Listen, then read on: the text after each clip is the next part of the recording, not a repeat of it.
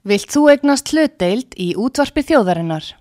Sendu tölvupóst á hlutabref at útvarpsaga.is eða ringdu í síma 533 3943. Útvarpsaga stendur vörð um tjáningafrelsið. Sýteðis útvarpið á útvarpi sögu í umsjón Pétur Gunnlaugssonar.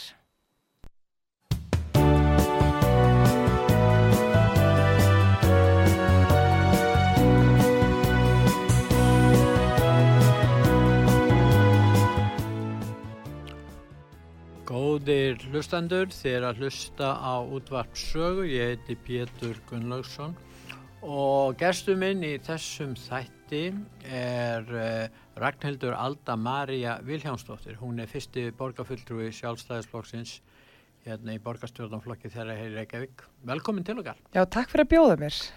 Og hérna, nú ég vil nú kannski byrja að spyrja þig að hverju ert að eh, hérna gefa kostaðir í? Efsta sæti sem er náttúrulega að þú ert á borgarstjóra efni sjálfstæðisflokk. Einmitt, mikið rétt.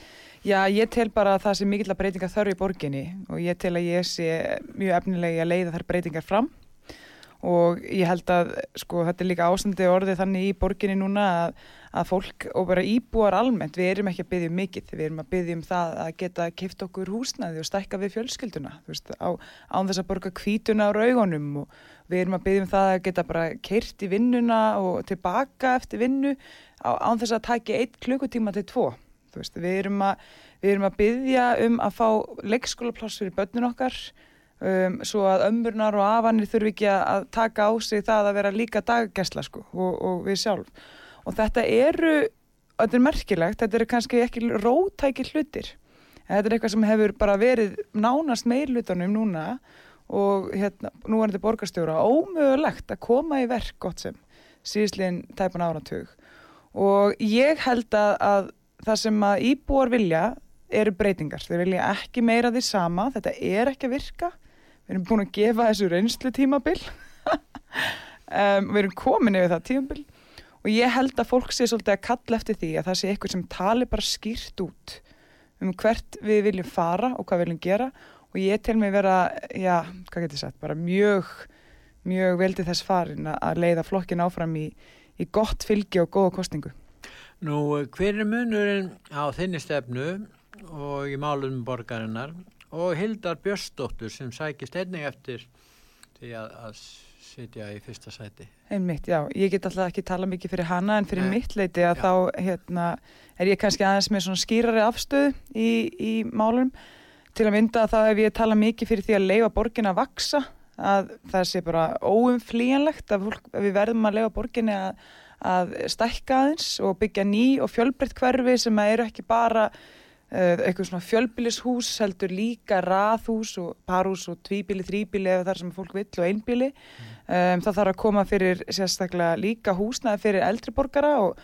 það er einn hugmynd sem að félag eldriborgara hafa verið mikið að tala fyrir sem að ég tel að sé alveg frábær lausn og það eru svo kallar lífskeiðakjarnar þar sem vart með hérna svona íbúðir sem eru þá er sérstaklega gerðar fyrir bæði gamalt fólk og fólk sem er kannski með á örðin með að hreyfa sig með eitthvað föllun og það eru bara rauninni svona svona þjónustu kjarnar þar innfyrir og þetta gera verkum að fólki sem er í heima þjónustu þarf ekki að keira át um allan bæin heldur geta bara verið að vinna innan þessa kjarna. Og þetta bæði sparar tíma fyrir þetta fólk sem væri annars fast í umferðinni en líka bæti þjónustu fyrir eldriborgara mm. þannig að ég er búin að tala fyrir því ég er búin að tala fyrir því að við þurfum að, að greiða fyrir sko, umferð allra ekki, og bara vera þjóna fórdum að laust öllum. Ef við tökum, byrjum á sangungumálunum sem eru náttúrulega mjög mikilvægt já, já, já. og þá hérna skulum við byrja á borgarlinn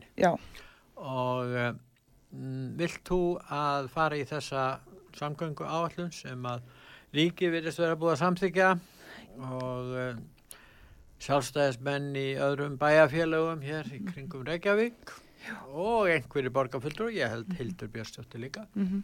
hvað segir þú? Ætlar þú að ef þú eru borgarstjóri mm -hmm.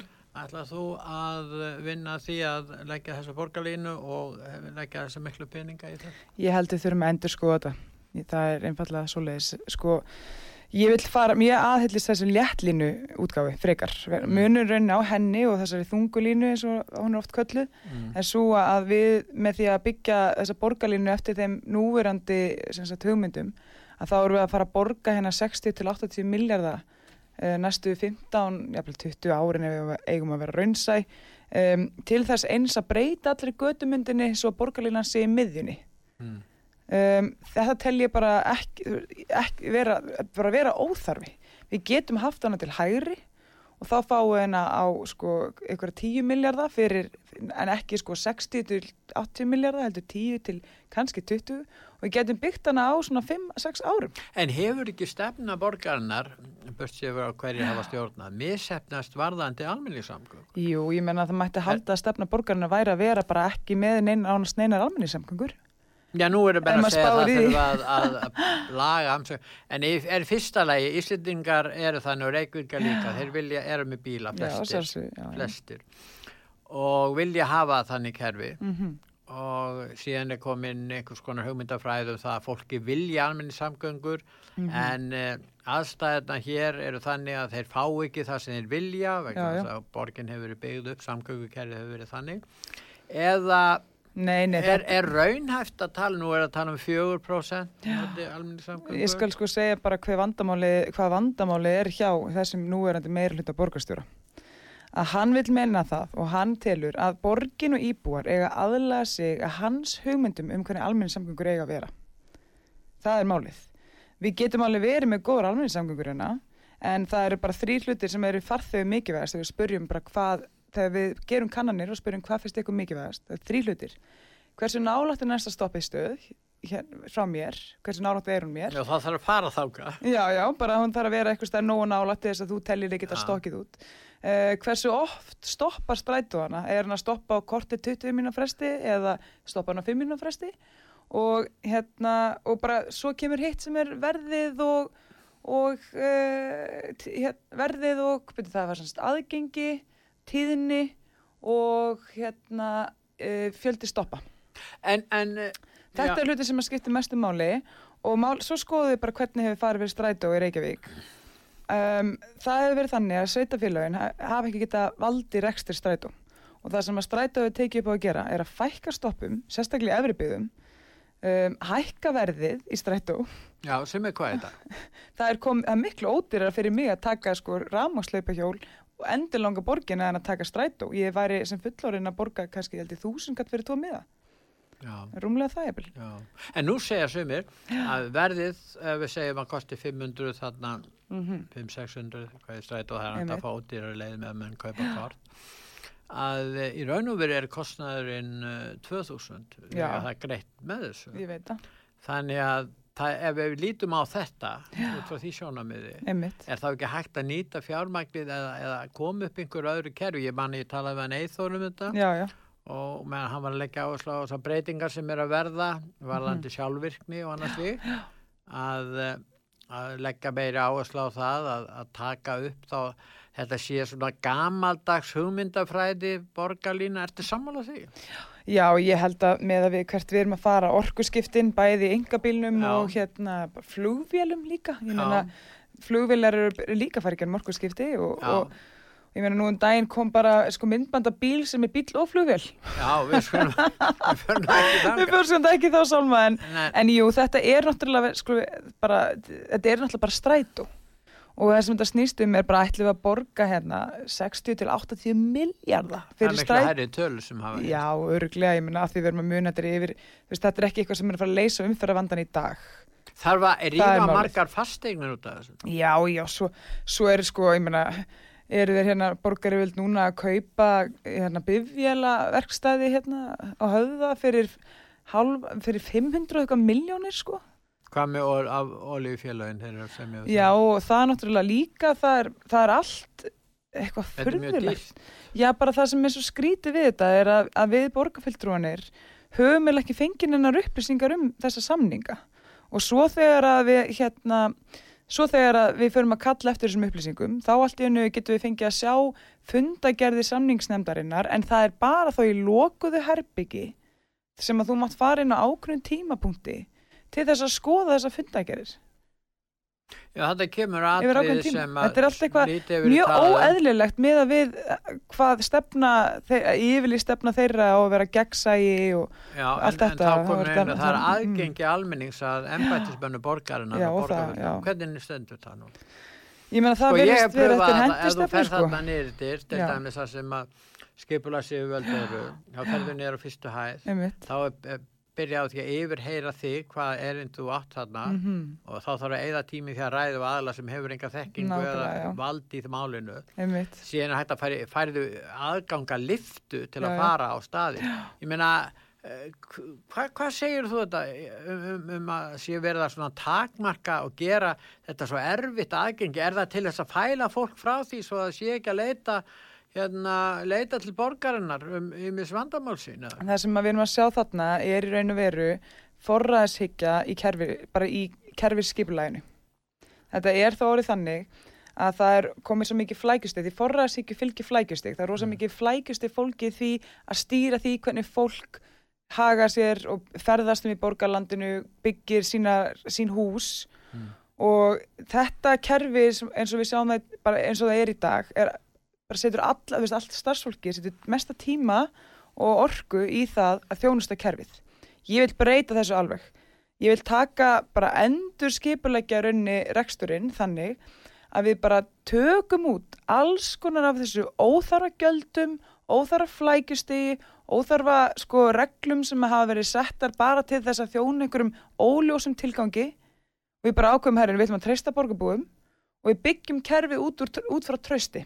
En þétting byggðar hérna, Ragnhildur, hefur haft þau áhrif að uh, það hefur sko verið brotin réttur á mörgum sem eru fyrir í borginni. Já. Það hefur verið að, að reysa þar alls konar hús, að gíflugur háaði, Já. það hefur, uh, hefur orðið að mikla skemdir á íbúðum og borgin kemur ekkert á því, það er ekki hægt að ná í embættispenn til þess að fá upplýsingar um hvað er að gera. Þetta er búið að ganga svona yfir í í langan tíma já, já, og allt vegna þess að krafan um þéttingu mhm. byggðar er svo mikil en við vorum að tala um samgöngum alveg kannski halda áfram með þau. Já, og næsta þetta er að sundabrautin.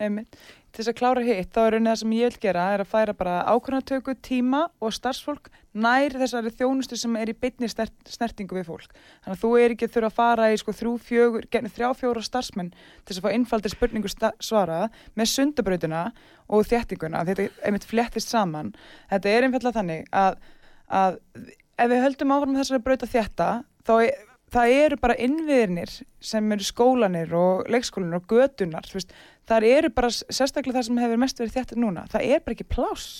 Og við verðum þar alveg að fara að skoða önnur hverfi sem er eitthvað pláss til þess að og sérstaklega bara leif, eins og ég segi leifaborgin að vaksa út fyrir eins og Ulfarsadal eins og Kjellnaland en líka Kjalanis og þar verður sundabrautin svo mikið vekk en þess að sundabraut hún verður tengingin okkar við Kjalanis þá eru hvað tíu mínúti frá Kjalanisinn er í bæ. Mm þarna er bara ótrúlega mikið ósnorti byggingalandi ósnorti byggingalandi sem er bara kjörið að rækta betur. Við erum raun reykvikingar í rosa hefnir að kjálnis að við farið vilja koma til okkar en ekki Mósisbæ því að kjálnis eru ekki fengið neitt fyrir sín snúð hinga til. En er meilhutin að uh, tefja fyrir lagningu sundabröðar sem er haldað því fram? Og já, hvernig gera þetta? Ég meina það sést bara á verkunum sko ef að, veistu, ef að þessi meiri hluti með við kannum búin að vera hann í tíu ár ef hann hefði viljað sundabraut og hefði við verið byrjað á því. En, en þeir segja núna að þeir vilja göng já. og nú getur ágreiningur um það hvort það hefur að brú eða göng stæði yfir í 20 ár þess vegna. Já, já, ég segi bara Hvort nú... vilt þú brú eða göng? Ég held að það sé eitthvað sem ég verða að skoða betur bara þegar ég kemst til valda sko, hvað henda best, en mér langar að byrja á sundabraut strax. Já, þetta... þú getur ekki byrjað hann fyrir þú veist hvort þú vilt hafa þetta göng eða brú. Já, ég held að menn hafi verið að tala um að brú sé best. Já, um, það hef ég heyrt líka. Það hef ég heyrt, þannig ég held að, þú veist, núna farandi inn í þetta myndi ég segja brú. Ef einhver kemur rosa góð rauk fyrir hinnu og það er góð að ég myndi skipta um skoðun þá mm. kannski skoða ég það. En, en, en varðandi sko nú hefur flokkurinn eh, lagt áherslu með sko stu gerði það. Sem ég segja kannski ekki eins núna og frelsi einstaklingsins. Mm -hmm. og, og, og rétt manna til þess að, að hérna eins og til dæmis í umferðina að eiga bíl og geta farið um bæin mm -hmm. nú er búið að loka skólaverðstík og nú er búið að loka lögaveginum hluta. Já. og það stemt í það er það stemt í að, að loka þessum laugavegi allt að snorabrönd. Hvaða skoðan hefur þú að þessu? Veistu, þetta er bara aftur, þarna er borgariröld eða einhverju stjórnmálamenn í ráðhusinu að, að reyna að stýra því og taka ákverðin fyrir fólk sem býr þarna og fólk sem er þarna með sitt lifibröð í sína starfsemi að reyna að stýra því hvernig þetta fólk bæði ferðast um í borgarlandinu og hvernig það hagar sínu lífi. Ég, þetta, ég, þetta er þvert á mín grunngildi. Það er bara peningasóun að, að ráðhúsið sé að setja tíma orku í þetta. Við erum að leifa kaupmannunum að ákveða sjálfur hvernig þeir vilja hafa opnarnir á þessum gödum og fyrir mitt leiti persónulega segi ég að við erum bara að hafa þessar gödur opnar og ef að kaupmenninir þarna og veitingamenninir uh, ef að þeir vilja loka þessum gödum að yfir einhvern dag eða einhvern tíma eða vegna einhver sérstakst tilefnis þá er það eitthvað sem að þeir eru að fá ákveða. Ráðhús hefur ekki verið að skipta sér að því hvernig þessi menn stýra aðgenguna sér sko, og konur, fjölskyldur. Það er bara, en þetta er svona einmitt Já, en nú verðist vera sko. sko, Ragnhildur, að mikill meiruluti borgarfulltrúa hafi samþitt þetta. Já, ekki engungu meirulutin allur, það er að segja fjóru flokkar þar, heldur líka borgarfulltrúa, nokkri borgarfulltrúa sjálfstæðisflokk Já, ég veit það. En snýst á bróðkvöru meðal hans um þetta? All, fyrir all mörgum mun það snúast um þetta. Að því að svo er það líka eitt sem ég þykir svo mikið að fólk viti að e, í, sko, það sem við sjálfstæðsmenn hefur verið sko, þekkt fyrir og það hefur verið okkar mest í styrkleiki og það sem hefur farið mest í tauganar á þessum vinstrumönum er það að við tökum málinn og við útkláðum bara okkar fundum og svo stöndum við saman út af við. Og það er svo mikilvægt að ef þú ætlar að fara að leiða lið þá þarf þetta að kunna vera liðsmaður og því get, það er mjög vond verið að standa verið framann liðit sem fyrirliði og segja já já, hérna nú eigi þið öll að kjósa eins og ég og eins og við og eins og sjálfstæðarsmenn og sjálfstæðarstefnan segir til um. En ég með aðra reglur en þið. Það er aðra reglur sem eigum mig en ykkur. Það gengur ekki. Og þetta er því miður bara eitthvað sem að verður að taka á eða sjálfstæðarsmenn og við og sérstaklega þegar mittliði fái ég, fái ég kjör. Mm. En þá vil ég bara algjörlega taka fyrir þetta og ég segja aftur, okk það er ekki, við stjórnmálamenn eigum ekki að skipta okkur af því hvernig kaupmenn vilja hafa aðgengja sínu verslunum. Það er okkar hlutverk að styðja við þá og veita um það val sem þeir vilja að þurfa og ráðhúsið ekki verið að skipta sér af, af hvort að skólaverustíðurinn sem lokaður opinn, lögvenn lokaður opinn, við maður leifa þessi fólki sem er með starfseminn að stýra þessu. Við erum ekki að segja kringlunni fyrir, skilur, okkur við erum ekki að segja smáralindin fyrir Akkur eru við að skipta okkur á laugavegin? Það er mín skoðan. En borgarfullurinn Hildur Björnsdóttir, hún hefur hérna, hún stutti lokun. Já, hún þarf náttúrulega bara að svara fyrir það sko. já, en þá spyr, þá spyr kásandin. Já, já.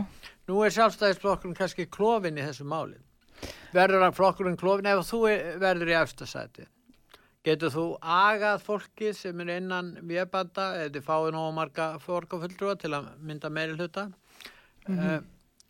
þá þurfum þið einn að fá þá borgarfulltrúa með ykkur til þess að geta breytt þessari stefnu því að þið, þú vantalega sækist eftir því og vilt stefna því og stöðla því að, mm -hmm. að stefnunni varðandi laugavegin og, mm -hmm. og, og skólaverustíð mhm. þessu verður breytt Algjörlega, ég vil opna laugavegin og skólaverustíð það er mín persónulega skoðun og ég tel að að e, fá ég að mynda meir hluta og hérna fá ég góða flokka með mér í lið, e, sem sagt í meir hlutan þá mun ég bara einfallega benda þeim á að af stórum málum sem við ættum að vera að láta kljú okkur mm. þá er þetta bara grundvallar atriði í okkar hugsun sjálfstæðismanna sem er svo að við hefum ekki að stýra fólki fólk á bara að fá að stýra sér sjálft og við treystum því til þess þannig að hvort að lögu eins og lokar ofin ábar ekki að koma við og það er bara það sem ég mun brína fyrir mínum hópi mm. og svo mun ég bara að setja orkun okkar í stórum málin sem að eru húsnæðisvandin og leikskólavandin það er nefnilega málið. En, en, við, sko, nú, uh, en kaupmennir þetta er þeirra lifibröð og það er þeir, þeim til varna, ég verða að segja að ég sjálf hef búið þarna bara á, á þessu svæði, eða náttúrulega allt með líf. Og ég sjálf finna að ég er byrjað að veigra mér að fara á laugavegin vegna þess að ég vil geta stokkið inn í búð á laugavegin ég vil geta stokkið inn í búð á í kringlunni sko. og það er ekki bara ég heldur líka nágræna mínir og vinkunum mínar og fleira sem hafa og það er einn maður sem ég veit sem er með verslun bæðalögavegi kringlunni og smárlind og hann Já. segir síðan tíu ár sem þeir byrja að loka þá hefur salan og lögavegi farið rætt niður og Já. salan, því hann er nákvæmlega sem var vörur í öllum þessum þrejum verslunum og salan í hinu verslunum sem er í smárlind og, kringlunni Já. hefur rókið upp. Þannig að það er ekki það að viðskiptavinninu sem breytast þeir eru bara að fara Það þýðir að þeir sem eru með starfsum og lögavegi þeir Núna, eru náttúrulega búin að verða fyrir gífulegu tjóni. Það, hefur verið farið svo illa með þá.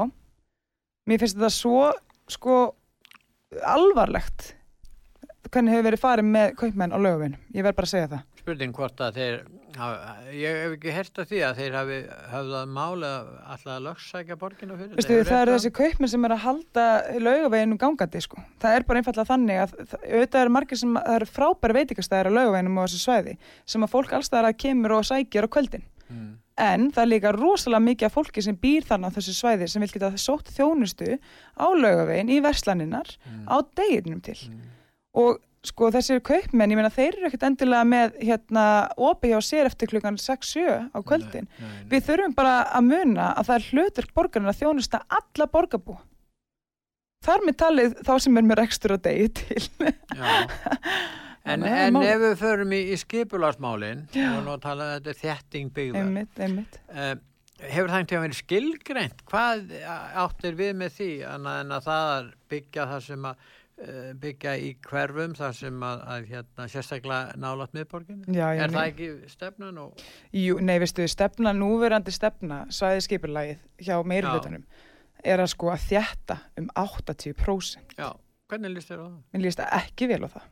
Akkur ekki? Af því að máli er, sérstæða Reykjavíkuborgar, hún er svo að við höfum þokkalega mikið pláss, við höfum garð og við erum með þessi fallu hverfi sem er með blandaða byggð, við erum bæðið með fjölbíli, einbíli, parhús uh, og grænsvæði og grænu svæðin. Og, og við erum með höfnina allstaðar í kringum okkur og strendunar, þetta er svo dyrmætt mm. og það sem ég tel að, sérstaklega bara á þessu svæði það sem við erum ekki með kannski sól hérna í uh, bestu mánuðin og svona, ég menna Það er alltaf lagið þetta þar sem það er pláss, það sem er pláss í skólunum, pláss á gödunum og innviðir bjóðu upp á það.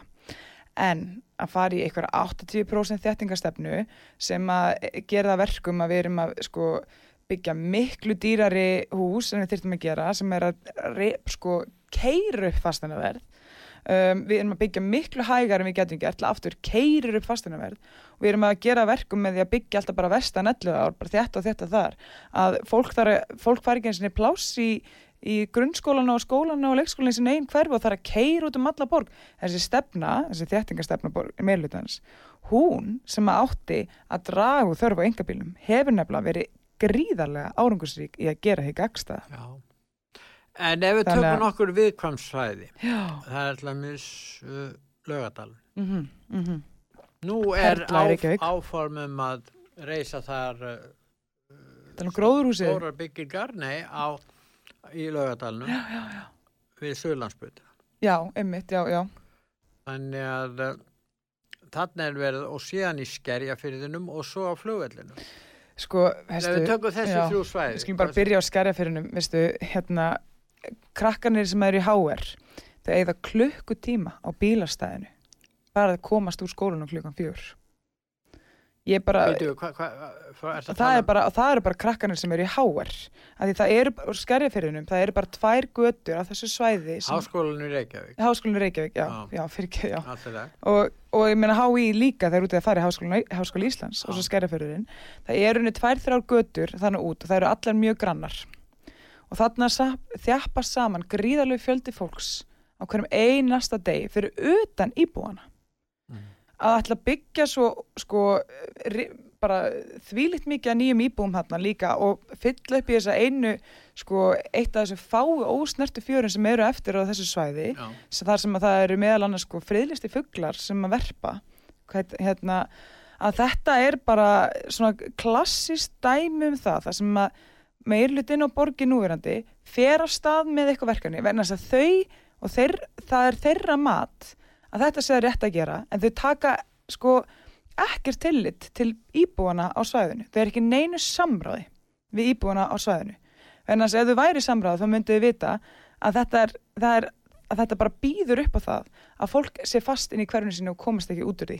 Og það er annað í þessu sem ég held að sé mjög mikið líka að, að nefna að með því að sko þrengja af flugvillin manna, því ég vil hafa flugvillin þarna mm. í Reykjavík, mm. með þrengja ánum þá hefur hann verður rónótt já, þau hafa sagt þetta stopnar flugöryggi hættu já.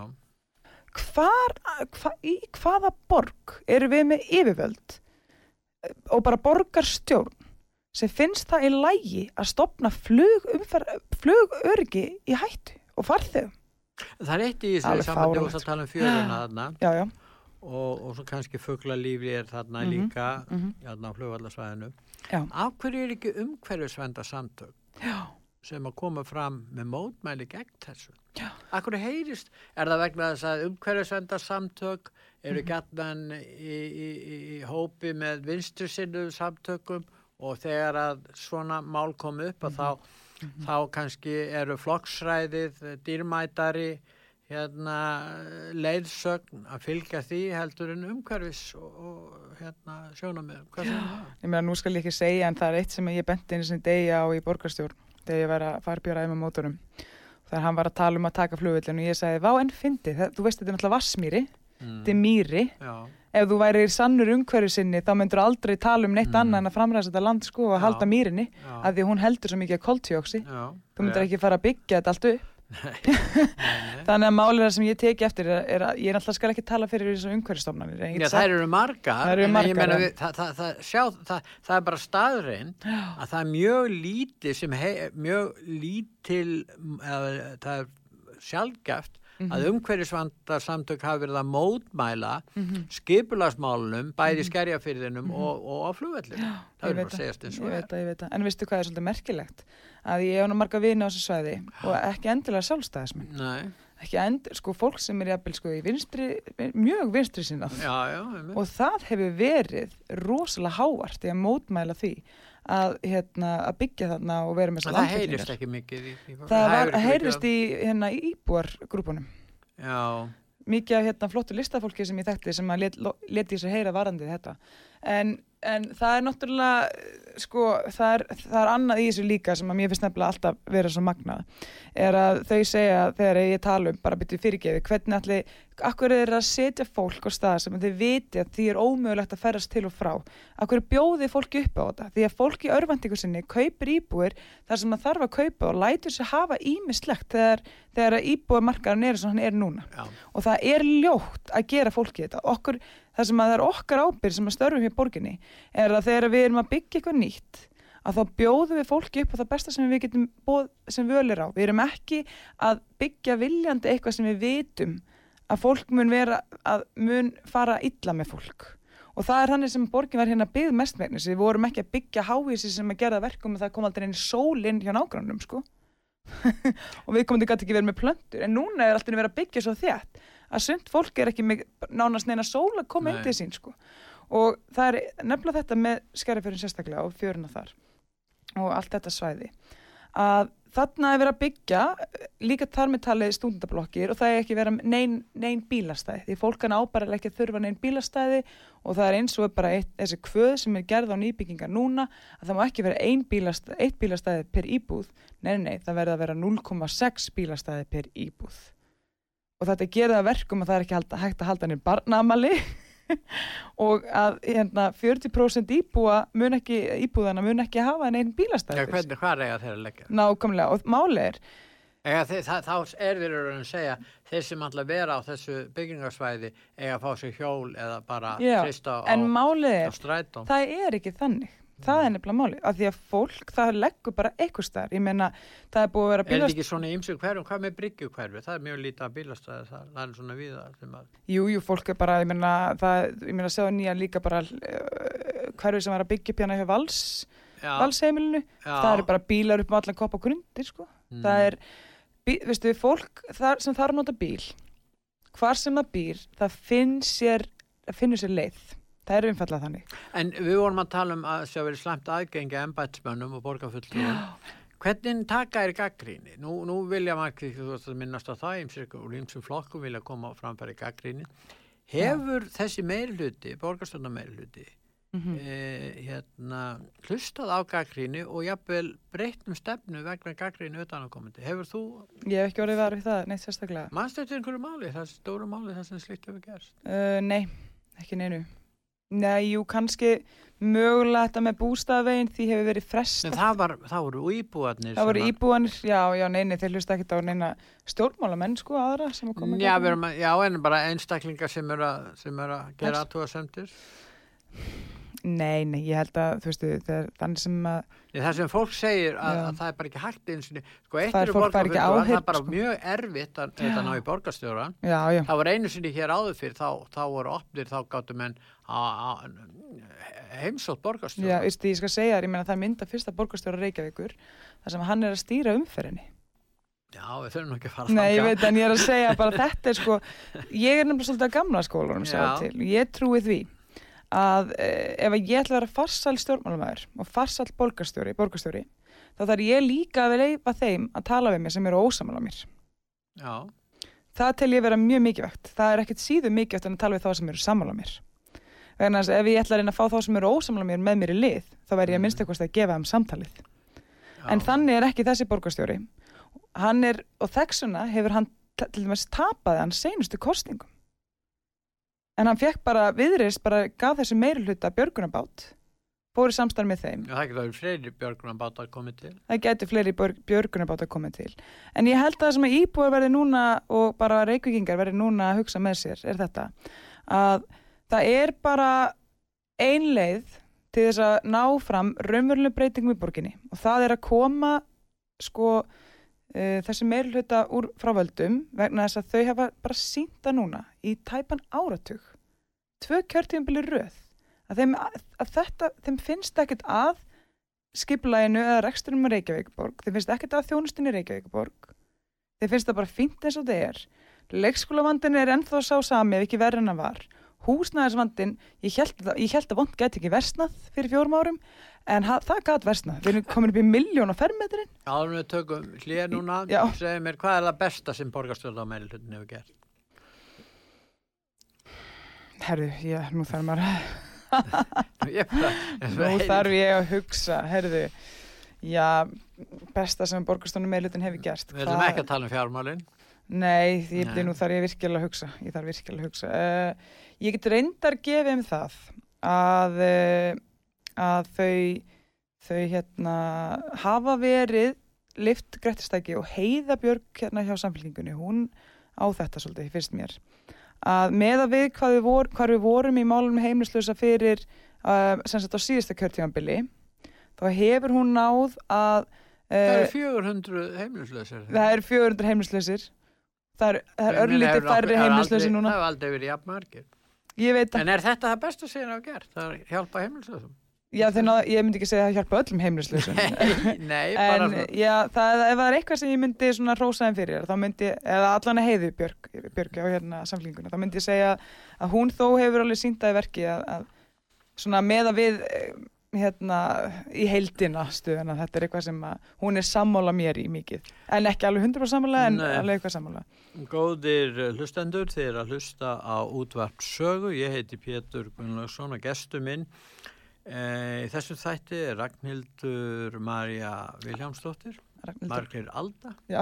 Hvort heldur þú meir upp á Alda eða Marja? Bara hvort eða ekki? Sko hún amma mín kölluð Alda? Ég er kölluð Alda sko Já. Amma mín hétt Alda líka og hún eignaði sér mig sko Ragnhildur Alda Marja Viljámsdóttir og uh, hérna ég er að ræða við hana og uh, málefni Reykjavíkuborgar en hún er að sækist eftir því að skipa eftirsæti á lista sjálfstæðisflóksins í komandi borgarstjórnankostingum og það verður kosi núna um miða mánuð í, í prófkjöri og sá eða sú sem að verður í efsta sæti mun leiða flokkin og vera borgarstjóra, borgarstjóra efni flokksins, er það ekki þannig? Jú. Já.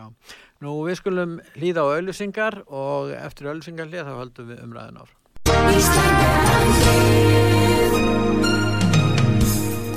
Styrtareikningur útvarpsögu í Íslandsbanka á Granda. Útubú 513, höfubók 26, Reykningur 2.11.11. Nánari upplýsingar á útvarpsaga.is. Takk fyrir stöðningin.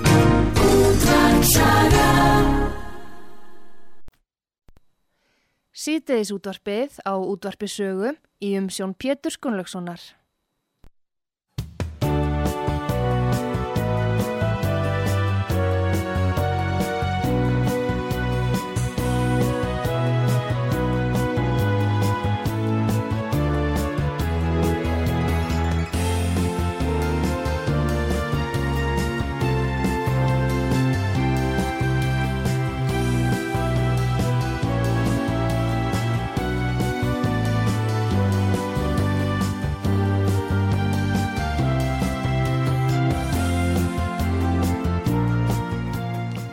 Góðir eh, hlustendur, þér að hlusta á útvarp sögu, ég heiti Pétur Gunnlaugsson og gestur minn í þessum þætti er Ragnhildur Alda-Maria Viljánsdóttir, eh, fyrsti varaborgarfulltrúi sjálfstæðisflokksins hérna í Reykjavík. Og hún er að sækjast eftir því að eh, vera í oddvitasæti flokksins í komandi alþingiskostningum en prófkjör fer fram núna um miðjan í miðjan mars. Nú, eh, Ragnhild, drefust nú um okkur öðru máli sem við óttum að byrja að tala um, það er mm. húsnæðismálin og loðaskorti. Já, Hvernig, eh, nú segja sumir, mm, já það er bara vanta lóðir hérna og það er ekki þetta að meira hlutan um það og, og hvað ætti hann að gera til þess að breyta því og þjetting byggðar er bara svar meira hlutans til þess að reyna þó að halda einhverjum eh, byggingar hraða gangandi. Mm -hmm, hvað segir það? Mhm. Ég segi það sem nú bara um afsökun sko. Já, já, akkur er það um afsökun? Já, vegna þess að, sko, þetta er allt bara pólitískar ákvarðanir, það er einfallega þannig. Borgin getur alveg vaksið og stækka, það þarf bara að taka þá ákvarðan að leifan að gera það. Já. Og það sem að vegna þess að borgin er reygin og yfirdrætti, ef ég ætla bara að orða þetta á, á mannamáli, Já. að þá þarf launin, sem sagt, eða skattegur, það dög ekki lengur fyrir bara helstu útgjöldum, þar með talið launakostnaðanum, þannig að, uh, þannig að það sem þið þurfa að gera og hafa verið að gera sem er algjört algjör umbreyting frá stefnun hérna áður fyrr er að reyna að græða eins og þeir geta á lóðunum á lóðasölunum. Og náttúrulega að reyna að fá eins mikið argreyslu og þeir geta líka úr uh, fyrirtækjanum sínum. Og textuna eru svona rosalega mörg auka göld sett að þá sem er að byggja. Það eru það eru veist, þessi, þessi innvið, nei hvað er þetta, gatnagerðagjöld þar sem að nú þegar eru til götur. Og alls konar fleiri svona fyrir ómálmuleg göld um, ég ætti þetta og ég meina gatnagerð Orkan, orkuveitanar setja ekki bara orkugjöld líka önnurgjöld Já, já, og svo það líka. Hágjöld Algjörlega, og ég meina ég þekki eitt sem er verktaki og hann var að segja frá því að þegar að þú, þú fyrst, þarf fyrst að kaupa rándýra lóðaborginni og á mjög, mjög upphækkuðu verði. Já. svo þegar að þú ert komið það þó í, í hérna, höfna þá ertu bara að leggur fram þína teikningar þá þetta að eh, fara í það sem heitir frjálsi samningar við borgina það sem borgar 150 miljónir fyrir borgina held ég til þess að, að sko sam, ég veit hvað 150 miljónir, fyrir hvað þá fyrir að bara borgin, já, fari gegnum þessa teikningar og samþekit allt saman og eitthvað með Tekninga og... Það eru til starf tekninga vissulega og, og allt svona, hversu upphæðin. Er það að tala um alltaf 150? Ég get ekki alveg sagt sko nákvæmlega hvernig gældskránu þeirra er en ég veit að fyrir hans leiti þá nefndi hann þessa tölu. Já, já og, í hans máli. Í hans máli já. þegar hann var að, byggja og, uh, og það er bara rosalega mýlkostnæður. Svo bætist þú á þetta að þú þarf að borga fyrir listaverk og það þarf að kosta ákveði mikið sem mm. verktækinn og ef þú ætlar að vera með fleiri en 0,6 bílastæði per íbú eins og kannski 1 bílastæði per íbú þá er það að borga sérstaklega fyrir það þannig að Þetta fer allt inn í verð egnarinnar. Þetta fer allt inn í verð egnarinnar, alveg allt saman og það er bara ekkert skrítið þess að íbúðir er, jú, herðu, að því óglimdu að svo þarfst að selja ákveðin fjölda íbúana til félagsbústaða á kostnærverði og þetta er eitt sem að mér þóttir svo magna vegna sem... Hvað býtur nú hvað áttu með þið? Já. Átt að afhenda ef einhver verktaki afhendur borginni að byggja hundra íbúðir Já. þá þarf hann að afhenda ákveðin hluta til félagsbústaða á kostnæðaverð. Og máli er, þetta nefnilega hér kemur nefnilega eitt sem er svolítið áhugavert um daginn þá var hún Sanna Magdalena sósilisti að leggja fram til um að, að, að meir hluti myndi taka á þessum byðlistavanda í félagslegt húsnæði sem hefur verið. Já. Þá mætir dagur og fer að þruma í ræðistólum um það að hann hafi sko helmingað byðlistan á kjörtímabilinu og aldrei hafi verið byggðar fleiri uh, félagslegar íbúðir. Heyrðu, jújú, þegar við fórum á staðinni til kjörtífambil þá voru rúmlega 800 manns að bygglista eftir félagslegu húsnæði.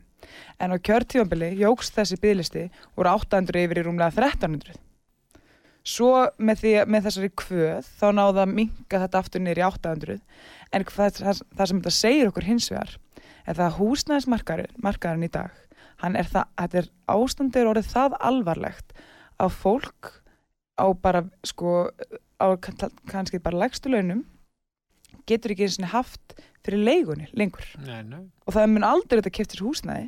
Fólk, það verður að festa fólk í fátakar það verður að flytja út eina sem getur gert er að flytja út á land. Já. það sem það vinnur ekki. Nákvæmlega, og það er verið að festa fólkinni í fátakargildum það er verið að búa til stjættaskiptingu með þessu. Mm. vegna þess að, að ef, þetta fólk er bara fast á félagslega kerunu af því að, að húsnæðisvandin er orðin það slæmur. Mm og verðbólgan er byrjað sem að þessi húsnæðisvandi hefur skapað er byrjað að geta bara upp kaupmátt launun okkar, við, erum, við sáum það bara allstar, við erum byrjað að fá minna fyrir launun okkar, jafnblóta launahækkaninnar hafi bara verið ansi fínar hún undarfarið. Sjálfstæðisflokkna er í ríkistjórn. Nefnilega, nefnilega og þannig að eh, sko ég segi oft að þessi meðluti uh, jafnar manna flokka Já.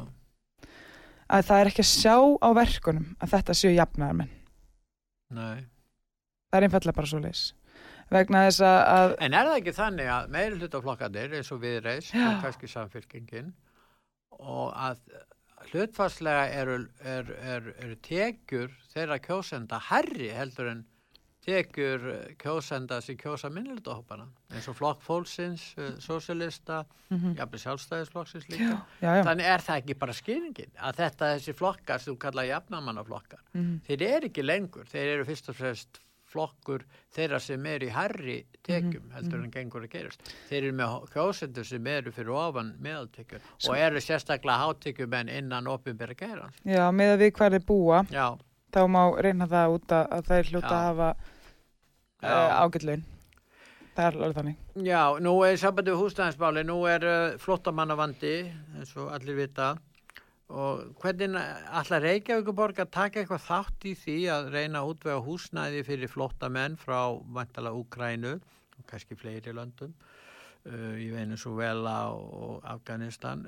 Er, er, er Reykjavíkborg einhver aðstöð til þess að útvega húsnæði fyrir þessa fjölmörgu flottamenn sem munir streyma til landsins og eru að streyma núna?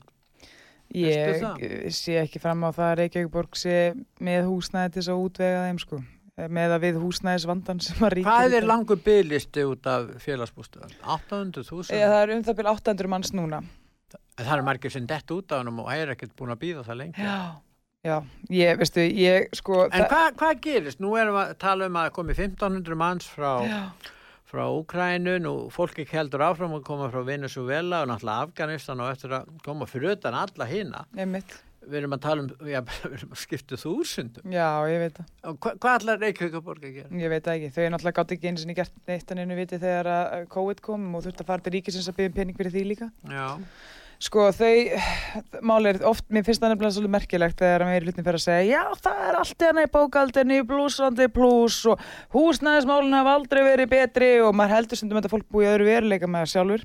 Um, og svo þegar að COVID kemur þá er bara næ sko já það er bókaldið, þetta er allt COVID að kenna og og uh, en málið er að meðan að ríkið fór í sérstakar aðgerðir, vinnumarkas aðgerðir til þess að reyna að koma í veg fyrir aturleysi hérna COVID og fór að hérna að gera því sko þvílitt fjárútlát og hefur búin að vera blæð út bæði fyrir prófum, ég veit ekki hverju og hverju út vegna COVID, þá hefur sko Reykjavíkborg ekki verið að uh, hvað eru aðgerðinu sem Reykjavíkborg gerði skilur við og ég held að vera nákvæmleins núna með þegar þessi flottumannvandi kemur við sjálfstafsmenn og vinstegrannir og, og, og hérna framsvon sem erum í núni í meirluta mm. að ríkið mun fara á stað og, og gera eitthvað, bregðast við koma með eitthvað aðgerir og borgið mun sitja og, og gera ekki neitt. Þannig að þau eru bara ekki stakk búin til þess. En hefur borgin efni á því að gera nokkur? Nei, ég held ekki. Nei, menn nú skulda er 430 miljardar með dóttufélagum Ég veit það. Er, er Já, sumir segja, er Reykjavíkuborg á barmingi aldrótt? Ég myndi nú halda það með að við, ég meina, ef þú ert að, ef þú ert að reyka þau yfirdrætti og þú átt ekki fyrir hérna, helstu útgjöldum mm. og þú þarfst að byrja að selja málverkið þín og selja skartgripina þína, þú ert ekki vel statur og getur ekki höndla mikið, þú þólir ekki mikið að hlutinu fara að bregða út af. Mm. En það er bara einstaklingu sem fer á hausið þá, við erum Já. að tala um borgin. Og ég er að segja það sko, það, það er bara, minna, það voru alþjóðlega bókalssamtök uh, uh, endurskónda samtök sem gerði þess aðtöðsamt við hérna, við uh, bókald Reykjavíkuborgar út frá því að þeir voru að uh, sko lista upp íbúir félagsbústa sem eru náttúrulega ekki, er fyrirtæki sem er ekki reikið í gróðaskinni Nei. en samt uh, sko skráðir íbúinar sem að þeir eiga er alltaf eins og þessi að fara að selja þér Já, þeir skráðar ef það hækkar markasverð fastegna, að þá er það skráð inn og, sem hagnaður. já, Þannig að þeir hafi eins og þeir hafi tekið, það er eins og einhver maður með fengi hækkun á eigninni sinni, hann væri að fá þarna einhverju að tekju. já eins, og, eins og það hefði komið inn tekjur af því Já, ég skil. og það er En er náttúrulega það í lægi að færa Nei, bókaldi með það hefur verið gerðar aðtöðsendur við þetta og þeir hafa ekki breytt þessu eða brúðist við þessum aðtöðsendur En er þetta í samræmi með tíðis alþjóðlegar bókaldsreglur og yfirleitt? það verðist ekki vera, það er svona gerðu þeir þessa aðtöðsendur þannig að þetta er En er það ekki hlutverk þá að kæra þetta til ráðuneyti sveitarstjórnamála og, hefur það verið gert? ekki að mér vitandi sko. Ég held að að það verið að býða eftir svari frá Reykjavíkuborg og verið að leifa um að breyðast við. En, um, en þetta það sem ég er að segja með þessu og kannski svona það punkturinn er sá að, að ég hef ekki mikla trú á því að Reykjavíkuborg bregðist eitthvað við þessum fjölda flóttamanna sem er koma nú til landsins frekar en þau bröðust við þegar að, að COVID kom og uh, ég meina e það eina sem ég held að þau hafi gert þegar COVID kom var að lækka uh, álagningar hlutfall álagningar hlutfall fastina gælda um sko sem var í hæsta löglega hámarki. Og þau lækkuðu það um 0,05% sem að telur ekki neitt fyrir flest fyrirtæki. En státuðu sér þó að því. Og það Já, var það sko var til þess að, að krafa viðreistnar já, um þessa lækkun fengi að njóta en þetta er ekkert neitt sem hann um nemur hjá flestum Nei. fyrirtækjum. Já, og þetta var bara gert við næst að til að sjálfstæðismann já, það er, Já, gerðu já, þetta sko. það- þannig að ef að þú spurði mig áðan er það eitthvað sem ég get verið ána með hana meirluta með þá var það örfái skiptin sem er heldur teljandi og einni hendi mm. sem þeir samþyktu tilhör sjálfstæðismanna. Já, það gengur erfið. En uh, nú, uh, við verðum að fara að hérna, já, já. Að fara að ljúka þessu, en það er kannski ein spurning uh, að lokum. Uh, Telur þú mikla líkur á því að hægt sé að uh, hérna að sigra meiri hlutan í borgarstjórn? Held- Þessum kom, komandi borgarstjórn? sko ég held að hérna hljóti ég kjör og, og við sjálfstæðismenn almennt við erum í dauð sko, það er dauða færi í borginni núna það, er, það er ekki bara sjálfstæðismenn það eru kjósendur allra flokka í borginni sem að eru þreyttir á því að, að sko að lífskjörin þeirra hafi farið hrakandi síðastliðin tíu ár. Og það er áþreifanlegt hversu hrakandi þau hafa farið. Og rey, sko sjálfstæðismenn við erum núna í dauða færi í borginni til þess að ná meirluta við sigrum kostningarnar fyrir fjórum árum að því við lofum að bóðum breytingar. Við myndum breyta til bannar Séu þið eitthvað áttamenn. já við fengum áttamenn Já. um, Sangat könnunu þá haldið ekki þessum áttamennum sinni. já en hún var gerð áður en að ég kom í Já, frambóð já. til Já, já, já, já.